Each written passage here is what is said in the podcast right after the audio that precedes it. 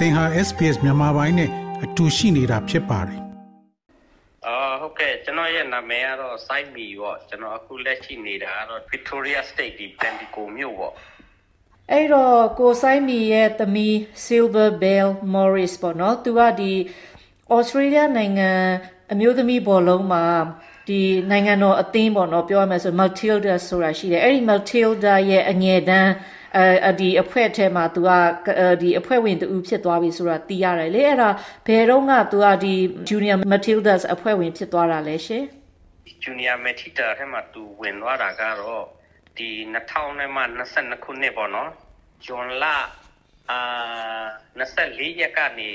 စပြီးတော့မှအဲ့ဒီဟိုပါပေါ့ Queensland မှာရှိတဲ့ဒီ Brisbane မြို့မှာပေါ့နော်သူတို့အဲ့ဒါ camp ဝင်ရတယ်ပြောအဲ့ဒါ9ရက်ပေါ့ အဲအဲ့ဒီမှာသူ့ကိုလူများ email ပို့လာတယ်ခမ ्या ကိုအခုပေါ့နော် Silver Memories ခမ ्या အခုကကျွန်တော်တို့ဒီ national team ကနေပြီးတော့မှခမ ्या ကိုအခုက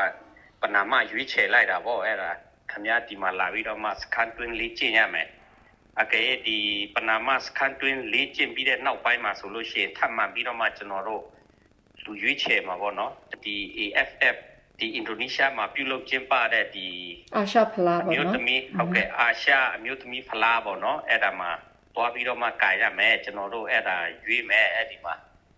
အဲ့ဒါတော့ခမရတို့ပြန်တော့ပြီးတဲ့နောက်ပိုင်းတပတ်မှာဆိုလို့ရှိရင်ကျွန်တော်တို့အကြောင်းပြန်ပေးမယ် email ပို့မယ်အရွေးခံရခဲ့တယ်ဆိုလို့ရှိရင်အရွေးမခံရဘူးဆိုလို့ရှိရင်တော့သူက email မပို့တော့ဘူးအဲ့လိုမျိုးပုံစံနဲ့လေဩဟုတ်ကဲ့အဲ့ဒါကပြီးခဲ့တဲ့ဂျွန်နဲ့ဇွန်လလမှာပေါ့နော် ဂျွန်ဂျွန်လ24ရက်ကနေဂျွန်လိုင်လ1ရက်ဟုတ်ကဲ့ဟုတ်ဟုတ်ကဲ့နောက်ပိုင်းမှာတော့သူ့ကိုလူရွေးလိုက်တယ်ဆိုတာမျိုးအကြောင်းကြားလာတာပေါ့နော်ဟုတ်ကဲ့အဲ့ဒီဟိုသူဒီမှာပြန်ရောက်ပြီးတော့တပတ်နေပြီးတော့တောက်ကြနေမှာပဲအဲ့ဒါတရက်နေ့မှာသူပြန်ရောက်တယ်ဒီမှာပြီးတော့အဲ့ဒီမှာရောက်ပြီးတော့၄၅ရက်ပဲထင်တယ်သူများပြန်ပြီးတော့မှအကြောင်းကြားလာတယ်ခမရကိုနောက်ဆုံးစကာတင်ရွေးချယ်တဲ့အထက်မှာခမရပါသွားပြီပေါ့ဒါကြောင့်ခမရ အဲ့ဒါဟိုအင်ဒိုနီးရှားမှာတွားပြီးကစားရမယ်ဒီဩစတြေးလျနိုင်ငံကိုကိုစားပြုပြီးတော့မှပေါ့နော်အသက်16နှစ်အောက်ပေါ့အဲ့ဒါတရားဝင်အခုသူတို့အဲ့ဒါခမ ्या ကိုရွေးချယ်လိုက်ပါပြီဆိုတဲ့အကြောင်းတော့သူတို့အဲ့ဒါပို့လာတဲ့ email အဲ့လိုမျိုးပေါ့ အော်ဟုတ်ကဲ့အဲ့တော့ဒီဟိုသူ့ရဲ့ဒီဘောလုံးအကြောင်းတွေပေါ့နော်အဲ့ဒီမျိုးမစခင်မှာကိုဆိုင်မီတို့မိသားစုအကြောင်းနည်းနည်းမေးချင်ပါတယ်အဲ့ဒီတော့ကိုဆိုင်မီတို့ကဆိုင်းဆိုတော့ရှမ်းဖြစ်မှာပေါ့နော်ဘာလူမျိုးလဲဘယ်ဘယ်မှာနေထိုင်တယ်လဲအဲ့ဒီအကြောင်းလေးနည်းနည်းပြောပြလို့ရမလားရှင်အော်ဟုတ်ကဲ့ကျွန်တော်ကတော့ဆိုင်းဆိုတော့တည်တယ်ဒါကျွန်တော်ရှမ်းလူမျိုးပေါ့နော်ဒါပေမဲ့ကျွန်တော်မျိုးသမီးကတော့ကရင်ကပေါ့ကရင်လူမျိုးဒါပေမဲ့သူတို့က ဒီ1996အဲ့ဒီကျွန်တော်တို့ DKBA နဲ့ KNU ကွဲသွားပြီးတဲ့နောက်ပိုင်းမှာကျွန်တော်ထင်တာအဲ့ဒါပဲထင်တယ်သူတို့ကအဲ့အနေပြီးတော့မှဒီဟိုဖွေးပေါ်လူဆိုတာအဲ့ဒါဟိုကရင်ဖက်ကအဲ့ဒီရွာပေါ့နော်အဲ့ဒီကနေပြီးတော့မှသူတို့ကဒီဂရနီဖက်ကိုသူတို့ကပြောင်းလာတာအဲ့ဒီမှာအိုးဂရနီဒုက္ခတက်စခန်းပေါ့ဟုတ်ကဲ့အဲ့တော့ကိုစိုင်းမီနဲ့အမျိုးသမီးတို့ကဒီဂရနီနယ်မှာတွေ့ကြတာပေါ့နော် အာဟုတ်ကဲ့ကျွန်တော်တို့မြောင်ဆော်မှာတွေ့ကြတာပေါ့ပြောမယ်ဆိုရင်တော့ကြောက်တဲ့ရင်းနဲ့ဒီမှာအော်ဟုတ်ကဲ့အဲ့တော့ကိုစိုင်းမီတို့ကဒီဂရီနီဒုက္ခသည်စခန်းကနေဩစတြေးလျနိုင်ငံကိုဘယ်တော့ကရောက်လာတာလဲရှင်ဩစတြေးလျနိုင်ငံကိုနိုဝင်ဘာလ21ရက်နေ့ပေါ့2013ဟုတ်ကဲ့အဲ့တော့ဒီအော်သမီးလေးပေါ့နော် Silver Bill ရဲ့အကြောင်းပြန်စရမယ်ဆိုရင် तू က ဘလို့ကနေဘလို့ဘလုံးကန်ဝါသနာပါတာလဲဥမာမျိုးရိုးထဲမှာဘလုံးကန်တဲ့လူရှိလားဒါမှမဟုတ်ကိုဆိုင်မီကိုတိုင်ကကန်တာလားဒါမှမဟုတ်သူ့အကိုတွေဒါမှမောင်လေးတွေညီမလေးတွေကကန်တာမျိုးလားရှင့်ဟုတ်ကဲ့ရှိတော့ရှိပါတယ်ဒါပေမဲ့ဒီလိုထွန်းထွန်းပေါက်ပေါက်တော့မရှိဘူးပေါ့နော်တို့ပေမဲ့သူ့ရဲ့အဖိုးဖြစ်တဲ့လူဒီဟောပေါ့နော်ဆရာတော်တိတ်ခါတော်ရဆရာတော်မော်ရစ်ဆိုတာကတော့သူကအရင်တော့ကလွန်ခဲ့တဲ့နှစ်ပေါင်း50ကသူကကရင်ပြည်နယ်မှာဆိုရင်သူကလက်ရွေးစင်ဖြစ်ခဲ့ဘူးတော့ပေါ့ အဲ့ဒီမြန်မာနိုင်ငံမှာနေထိုင်စဉ်အတွင်းတုန်းကပေါ့နော်သူ့ရဲ့အမေအမေဖက်ကအဖေပေါ့သူ့အဖိုးပေါ့နော်အဲ့ဒါလက်ရွေးစင်ဖြစ်ခဲ့ဖူးတယ်ကျွန်တော်ဖက်ကဆိုတော့မရှိပါဘူးဒါပေမဲ့သူဘောလုံးစပြီးတော့မှစိတ်ဝင်စားလာတာတော့သူ့အဖိုးကနေပြီးတော့မှအဲ့လိုမျိုးပေါ့နော်ကစားတာဟိုလှုပ်ဒီလှုပ်နဲ့အဲ့ကနေစတယ်နောက်ပြီးကျတော့အထူးသဖြင့်ဒီမှာရောက်လာတဲ့အချိန်ကျတော့သူ့ရဲ့အကိုပေါ့ပြောမှဆိုရင်ကျွန်တော်ကျွန်တော်တူကျွန်တော်မိမရဲ့အမအကြီးဆုံးရဲ့သားက ဘလုံးကန်တော်တော်ကောင်းတယ်အဲ့ဒါသူလဲဒီဒီမှာဘလုံးကန်တော်တော်ကောင်းတယ်အဲ့ဒါသူကနေပြီးတော့မှ training တွေပါတွေတွားဆင်းပြီဆိုတော့သူညီမတွေသူညီတွေကိုခေါ်သွားတယ်ဒီမှာသူတို့တွားကစားတွားကစားရင်းနဲ့ဒီလိုနဲ့ပဲသူကစိတ်ပါဝင်စားမှုတွေရှိလာပြီးတော့မှပို့ပြီးတော့စိတ်အားထက်သန်လာတာပေါ့အဲ့ဒီနောက်ပိုင်းမှာဆိုတော့သူကကျွန်တော်ပြောတယ်အပါသမီးဘလုံးကန်ချင်တယ်အေးကန်ချင်လဲကန်မော့ဘယ်လိုလုပ်ရမလဲအဲ့ဒါပြီးတော့သူများကိုအဲ့ဒီ Mr. Thompson ဆိုတာရှိတယ်သူရဲ့ပထမဦးဆုံး coach ပေါ့နော်အဲ့ဒါ သူ့ကိုတွားပြီးတော့မှအဲ့ဒါစကားစမီတော့ပြောတာသူပြောတာဒီလိုဒီလိုမျိုးလုပ်ဒီလိုဒီလိုမျိုး register လာတင်မှာဒီ football club မှာအဲ့ဒါနဲ့ကျွန်တော်အဲ့ဒီကနေစပြီးတော့မှသူဘောလုံးစကစားဖြစ်သွားတာပေါ့နော်2000နဲ့14ပေါ့သူစကစားတာပြောမယ်ဆိုရင်တော့ရောက်ပြီးတဲ့နောက်ပိုင်းတစ်နှစ်ပေါ့။အော်ဟုတ်ကဲ့အဲ့တော့ तू ဟိုဒုက္ခသက်စခန်းမှာနေတော့ကလည်းကစားတယ်ဒါပေမဲ့ဩစတြေးလျမှာရောက်တာတော့2014မှာပဲပူပြန်ကစားဖြစ်တာပေါ့နော် ဟုတ်ကဲ့ဟုတ်ကဲ့စခန်းထဲမှာနေတာကြတော့ကစားတယ်ဆိုတာတော့ဘယ်လိုပြောမလဲကလေးတို့တဘောတဘာဝပေါ့နော်အဲ့ဒါကြောင်းနေဆင်းပြီဆိုရင်ညနေပိုင်းဆိုရင်အဲ့ဒါဟိုဘလုံးကွင်းမှာတော့ကစားကြတယ်အဲ့လိုမျိုးပေါ့နော်ဒါပေမဲ့ main ကလေးကတော့သူတယောက်တည်းကြံတာတော့ယောက်ျားတွေကြီးပဲဒီမှာအဲ့လိုမျိုးပေါ့အော်ဟုတ်ကဲ့အဲ့တော့ဒီဩစတြေးလျမှာကန်တဲ့အခါကျရင် ဘယ်လိုပြောမလဲ club တွေပါတွေ join တဲ့အခါမှာဈေးများများပေးရလားဟိုဘယ်လိုပြောမလဲမိဘအနေနဲ့ဘယ်လောက်ကုန်ကြခဲ့ရတယ်လဲဘယ်လောက်မျိုးဘယ်လောက်ထိပေးစားခဲ့ရလဲရှင်ဒီလိုမျိုးအဆင့်ရောက်လာဖို့ဆိုတာလေအာအဲ့ဒါပြောမယ်ဆိုလို့ရှိရင်တော့အချိန်လဲပေးရတယ်ဝေလဲကုန်တာပဲလေနော်ပြောမယ်ဆိုလို့ရှိရင်တော့ဒီဒီလိုမျိုးအဆင့်ရောက်လာဖို့ဆိုတာဒီအဆင့်မရောက်ခင်တော့ဆိုကျွန်တော်သူ့ကို 2014ရက်နေစပြီးတော့ဒီ2022ခုချိန်ထိဆိုပါစို့ကျွန်တော်သူ့ကိုတောက်လျှောက်ဒီလိုမျိုးပဲပန့်ပိုးခဲ့တာပေါ့နော်ဥမာသူဒီကျွန်တော်တို့ဒီ local club မှာကစားတော့ကတော့မကုန်ဘူးအဲ့ဒါကတော့တစ်ခါဆိုလို့ရှိရင်သူကဘောလုံး season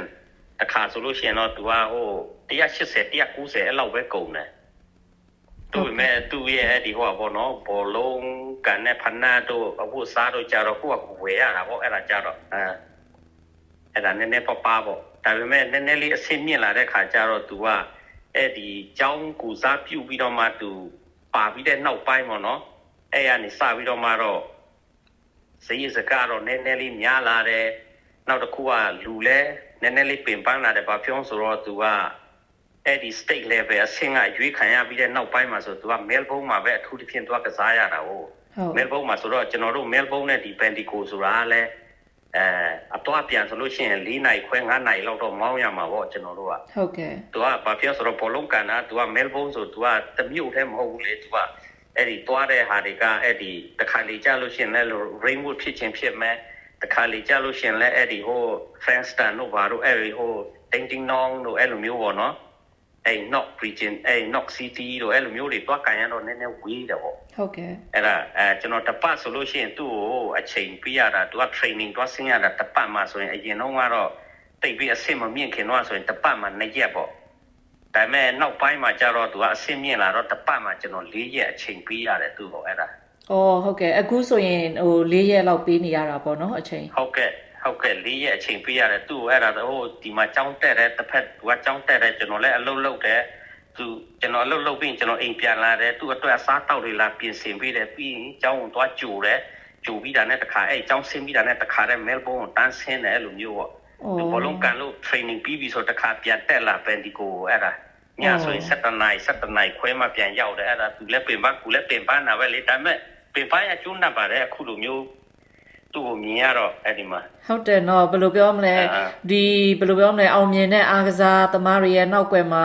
သူတို့ရဲ့စူးစမ်းအားထုတ်မှုလည်းပါသလိုမိသားစုဝင်တွေရဲ့ပေးဆမှုတွေကလည်းအမြဲတမ်းပါနေကြပေါ့နော်အဲ့တော့အခုလိုမျိုးသမီးကဒီဘယ်လိုပြောမလဲဟိုနိုင်ငံတော်အဆင့်ဘောလုံးအသင်းမှာပေါ့နော်အငယ်တန်းမှာအဖွဲ့ဝင်အနေနဲ့ပါဝင်ခွင့်ရပြီဆိုတာသိရတဲ့အခါမှာကိုစိုင်းမီတို့အနေနဲ့ဘယ်လိုခံစားရလဲရှင် အာအတိုင်းမသိဝမ်းတာတာပေါ့နော်ဘာဖြစ်လို့လဲဆိုတော့ကိုလည်းဘယ်လိုပြောရမလဲဒီလိုမျိုးယင်းဒီမြုပ်နှံထားပြီးပြီဆိုတော့ဘယ်လိုပြောမလို့အဲ့ဒီဟိုယင်းဒီမြုပ်နှံထားတဲ့အကျိုးခံစားခွင့်လေးတော့ကိုလည်းမြင်ချင်တယ်တွေ့ချင်တာပေါ့နော်ဒါပေမဲ့အဲ့လောက်ကြီးလဲမမျောမှန်းဘူးလေဒီလောက်ကြီးဖြစ်လာမယ်ဆိုတာဒါပေမဲ့သူသူကိုနိုင်လဲတော်တော်ကြိုးစားပါတယ်သူကြိုးစားလို့လည်းဖြစ်လာပါဘောနော်ကျွန်တော်တို့လည်းတတ်နိုင်တဲ့ဖက်ကပဲကျွန်တော်တို့ကပန့်ပိုးပေးနိုင်တယ် အကယ်၍သူကကြိုးစားအထောက်မှုမရှိဘူးဆိုလို့ရှိရင်တော့ဒီလိုအဆင့်မျိုးလွယ်လွယ်တော့ပဲရောက်မလဲပေါ့ ဟုတ်ကဲ့ခုနကကိုဆိုင်မီပြောသွားတာဒီဒီသမီး Silver Bell Morris ကသူကဟိုចောင်းလဲနေသေးတာပေါ့နော်အဲ့တော့ចောင်းပင်နဲ့တန်းရောက်ပြီလဲပြီးတော့ဟိုចောင်းကျောင်းတစ်ဖက်နဲ့ဒီလိုမျိုးအားကစားတွေကိုထထဝင်ဝင်ကစားနေရတယ်ဆိုတော့သူဘလို့သူ့အတွက်ဘလို့အခက်အခဲတွေရှိလဲရှင်ကျောင်းစာတွေမှာရောဘလို့အခက်အခဲတွေရှိလဲကျောင်းပြည့်ရတာမျိုးရှိလားရှင် ဟုတ်ကဲ့အခုလောလောဆယ်သူတက်နေတာကတော့ဒီ12တန်းပေါ့နော်ဒီဩစတြေးလျနိုင်ငံဒီကျောင်း12တန်းမှာသူတက်နေတယ်ဒါပေမဲ့တစ်ခါလေကြာလို့ရှိရင်လည်းသူက training ကတစ်ခါလေကြာရင်လည်းသူကစောတယ်ခါလေ training ကလည်းသူကအချိန်ပုံမှန်တော့မရှိဘူးမရှိဘူးဆိုတာဒီနိုင်ငံမှာယာတီဝတ္ထုအပေါ်မူတည်ပြီးတော့မှပဲသူတို့ကလည်းအဲ့ဒါဟို training ကသူတို့ကစားနေတာပူတယ်ဆိုလို့ရှိရင်လည်းသူတို့ကမကစားပြန်ဘူးဟိုမှာမူးရွာမယ်ဆိုလို့ရှိရင်လည်းသူတို့ကအချိန်ကိုရွှေ့လိုက်တာတော့ပေါ့နော် နေတာပူရင်အချိန်ရွှေ့လိုက်တာတော့ဆိုတော့အချိန်ကမမှန်ဘူးမမှန်တဲ့အတွက်တစ်ခါလီကြလို့ရှိရင်အဲ့ဒါဟိုစကောစကဖြစ်တာပေါ့ဆိုကြပါစို့သူကပုံမှန်၃နိုင်ခွဲကျောင်းဆင်းတယ်ဆိုတစ်ခါလီကြရင်သူတို့ကအာဒီနေ့ကတော့ weather ကတော့နည်းနည်းလေးအချိန်ကြီးကောင်းတယ်အဲခဏကြာရင်ပုံမှန်ကန်နေတဲ့အချိန်ဥပမာ9နိုင်လောက်ကန်တဲ့အချိန်ကတော့အဲမူးရွာမယ်ဒုတိမဟုတ်နေတာပူမယ်ဆိုရဲအဲ့လိုမျိုးပုံစံပေါ့နော်သူတို့ကအချိန်ကိုသူတို့ကပြောင်းလဲလိုက်တယ်ပြောင်းလဲလိုက်တဲ့အချိန်ကျတော့တစ်ခါလေကျွန်တော်ကြိုပြီးတော့မှသူ့ကိုကြောင်းကနေပြီးကျွန်တော်သွားခေါ်ရတဲ့အပိုင်းတွေလည်းရှိတယ်အဲ့လိုမျိုးအခါကျတော့ဘာဖြစ်လာလဲဆိုတော့သူ့အနေနဲ့ကြောင်းမတက်တဲ့အတွက်အဲ့ဒီသင်ကန်းစာတွေကိုသူကလွတ်သွားတယ်လွတ်သွားတော့တစ်ခါဆရာဆရာမတွေစီကိုတစ်ခါပြန်မေးရတယ်ပြီးရင်သူကနောက်ထပ်ဥပမာသူနားမလဲဘူးမသိဘူးဆိုလို့ရှိရင်တစ်ခါပြန်ပြီးတော့မှအဲ့ဒီ training မတွားတဲ့ရက်တွေအတွက်ကိုပြန်ပြီးတော့မှသူက extra class ဆိုတာအဲ့ဒါပြန်ပြီးတော့မှအချိန်ပို့ပေါ့နော်သူပြန်တက်ရတာပေါ့အဲ့ဒါ အဲ့တော့ကိုဆိုင်မီတို့လည်းဘယ်လိုပြောမလဲမိသားစုလိုက်ပေါ့နော်သူ့ကိုအများကြီးပံ့ပိုးပေးတယ်အဲ့တော့သူ့သူ့မောင်နှမတွေရောသူ့လိုမျိုးဟိုခြေရလိုက်လိုက်တဲ့လူတွေရှိလားရှင်အဲသူတို့ကမောင်နှမနှစ်ယောက်ရှိတယ်သူ့မဲ့သူ့ရဲ့ဝန်းကွဲတွေတော့ရှိတာပေါ့နော်ဝန်းကွဲတွေလည်းကန်ကြပါတယ်အခုကတော့ဒီ local အဆင့်မှာပေါ့သူ့ညီဆိုလို့ရှိရင်လည်းကန်ပါတယ်ဒီ local အဆင့်မှာပဲဒါပေမဲ့အခုလောလောဆယ်တော့သူနားထားတယ်သူလည်းတောင်းတက်တစ်ဖက်နဲ့ဆိုတော့လေနောက်အလုပ်တစ်ဖက်နဲ့ဆိုတော့သူ့ညီကတော့အခုကတော့လောလောဆယ် ဟုတ်ကဲ့အခုလိုမျိုးပေါ့နော် तू ကဟိုမကြခင်မှာအင်ဒိုနီးရှားသွားတော့မယ်ဆိုတာမျိုးဒီဖြစ်လာတဲ့အခါမှာဘယ်လိုပြောမလဲနိုင်ငံခြားတွေလည်းမိဘတွေနဲ့ဝေးပြီးတော့နိုင်ငံခြားတွေလိုမျိုးသွားရတော့မယ်နောက်ပိုင်းကျရင်အဲ့လိုမျိုးပုံမှန်ပြန်ဖြစ်ဒီသွားလာရမယ်ဆိုရင်မိဘတယောက်အနေနဲ့ဘယ်လိုခံစားရလဲရှင်စိုးရိမ်မိလားဒါမှမဟုတ်ရင်ဘယ်လိုခံစားရလဲရှင်အာကျွန်တော်အတွက်ကတော့ဒီကိစ္စကတော့ဘယ်လိုပြောအောင်မလဲအဲ့ပြောစရာဘာမှမရှိဘူးမရှိဘူးဆိုတာကကျွန်တော်တို့ လက်အောက်မှာမဟုတ်ပေမဲ့လည်းသူ့ရဲ့ဒီဒီ coach တို့ဘာတို့ manager တို့နဲ့လည်းကျွန်တော်အများအားဖြင့်တွေ့နေတော့သူတို့ကလည်းသူတို့ရဲ့တာသမီလိုပဲသဘောထားတော့လေအဲ့ဒီမှာကျွန်တော်အဲ့ဒါကတော့ဘာမှစိုးရင်ပူပန်မှုတော့မရှိပါဘူးနောက်တစ်ချက်ကပါလဲဆိုတော့ဒီ overseas မထွက်ခင်တော့ကလည်းသူကအရင်ပြီးခဲ့တဲ့ဒီနှစ်တွေတော့ကလည်းပေါ့နော်ဥပမာဆိုကြပါစို့သူအဲ့ဒီဟို Cobb Server မှာတွားကန်နေအဲ့ဒီဟိုပေါ့နော် Cobb Server တွားကန်တာတော့တခါလေ Sydney တွားကန်နေတခါလေကျန်ဒီ Western Australia ဖတ်မှာတွားကန်တာတော့ အဲ့ဒါတွေလည်းသူကအတွေ့အကြုံတွေရှိထားတယ်ဆိုတော့သူ့အတွက်ကတော့ကျွန်တော်မစိုးရိမ်တော့ဘူးအဲ့ဒါကြတော့ကျွန်တော်ကျွန်တော်တို့မပါဘဲနဲ့သူတယောက်တည်းပဲအဲ့လိုမျိုးပေါ့တွားကန်ခဲ့တာပေါ့ဟိုအသက်12နှစ်ကြော်ကြော်ရွယ်တော့မှာပေါ့နော်ပြောမှဆိုရင်ဟုတ်ကဲ့ပါကိုဆိုင်မီအခုလိုမျိုးစိတ်ရှည်လက်ရှည်ဖြစ်ကြပြီးတဲ့အတွက်ကျေးဇူးတင်ပါတယ်ပြီးတော့သမီးလေး Silver Bell Morris လည်းပေါ့နော်ဒီထက်မကအောင်မြင်ပါစေလို့ဆုတောင်းပေးပါတယ်ရှင်ဟုတ်ကဲ့ပြီးတဲ့ဆုနဲ့ပြည့်ပါစေကျေးဇူးပါ SPS မြန်မာပိုင်းကို Facebook ပေါ်မှာ like ရှာပြီး like မျှဝေမှတ်ချက်ပေးပါ